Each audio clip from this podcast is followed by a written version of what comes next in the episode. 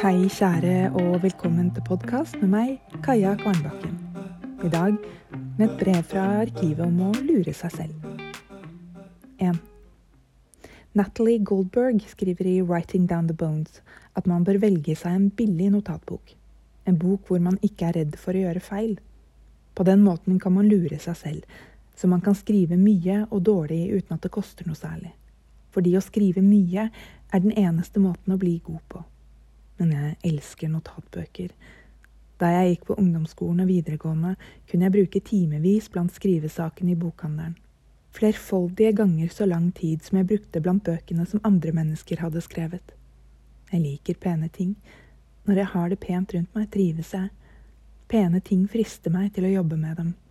Jeg bruker pene ting til å lure meg selv. 2. Jeg elsker systemer. Egentlig elsker jeg at alt er i flyt, men uten system flyter det helt ut. I mange år prøvde jeg å organisere meg i flere forskjellige notatbøker og kalendere, vekslet mellom digitalt og analogt, glemte å ta med meg det jeg trengte, rota bort ting, måtte skrive ned ting der de ikke hørte hjemme, og i stedet for system fikk jeg kaos. Så oppdaget jeg bullet journaling, og det føltes som om alle ting i hele verden fant sin rettmessige plass i en liten notatbok jeg kunne ta med meg overalt. I hvert fall alle ting i mitt liv. Alt bortsett fra teksten. Jeg hadde sirlige bokser og punktlister, oversikt over alt som måtte huskes, men jeg hadde ikke noe sted å putte teksten. For den så rotete og stygg ut i den ellers så pene og systematiske notatboken min, og jeg vegret meg for å skrive i det hele tatt. Så begynte jeg å snu notatboka opp ned og bak fram. Da fikk jeg teksten ut av veien, men kunne fortsatt bruke den samme notatboken. Skrivingen vokser og vokser i dagene mine. Plutselig er to tredjedeler av notatboka fylt opp ned, bak fram. Og det slo meg denne uka at jeg kanskje burde revurdere systemet mitt. La teksten få vokse over i sin egen bok, i det minste ikke skrive feil vei lenger.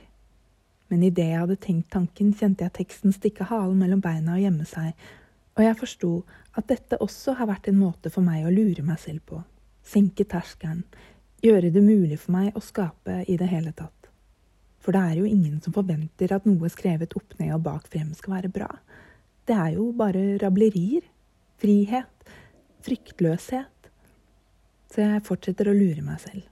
Med pene bøker fylt med tekst feil vei, for så blir det i det minste tekst. Og dårlig tekst er bedre enn ingen tekst, for dårlig tekst kan redigeres, knas og bearbeides, og kanskje bli til god tekst. Hvordan lurer du deg selv til å få gjort de tingene du vil, men som du gruer deg til? Måtte du lure deg selv til noe lurt denne uken. Din Kaja. Forresten, setter du pris på denne podkasten? Gi den fem stjerner der du lytter til podkast, og del den med andre du tror vel setter pris på den. Det setter jeg pris på. Vi høres.